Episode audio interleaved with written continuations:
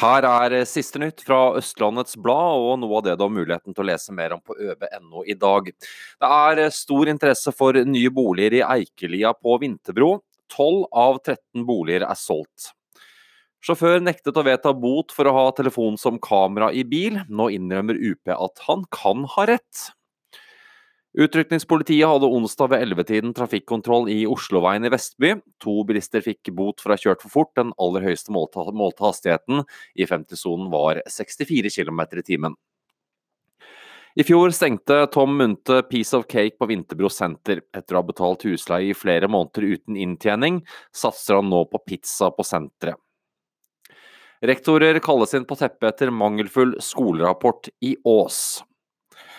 Jeg skal eh, drive med de to tingene jeg liker aller best, nemlig yoga og strikke, forteller 50 eh, år gamle Sara Tyvan, og åpner eh, Setre havn og garn og interiør.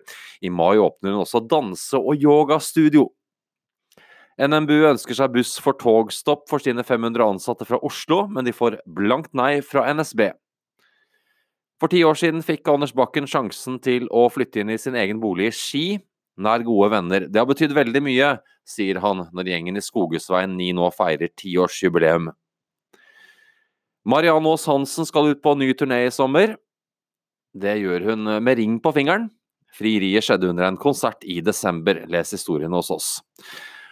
Og i morgen kommer skattemeldingen. Hele 250 000 nordmenn frykter baksmell. Jeg vet ikke hvordan det er med deg, men det blir spennende å se på resultatet. Det var siste nytt fra Østlandets Blad, presentert av meg, Anders Norheim Dahl. Husk at dersom du ikke har tilgang til ØB, så kan du få full digital tilgang nå for bare fem kroner for fem uker. Ha en strålende fin dag.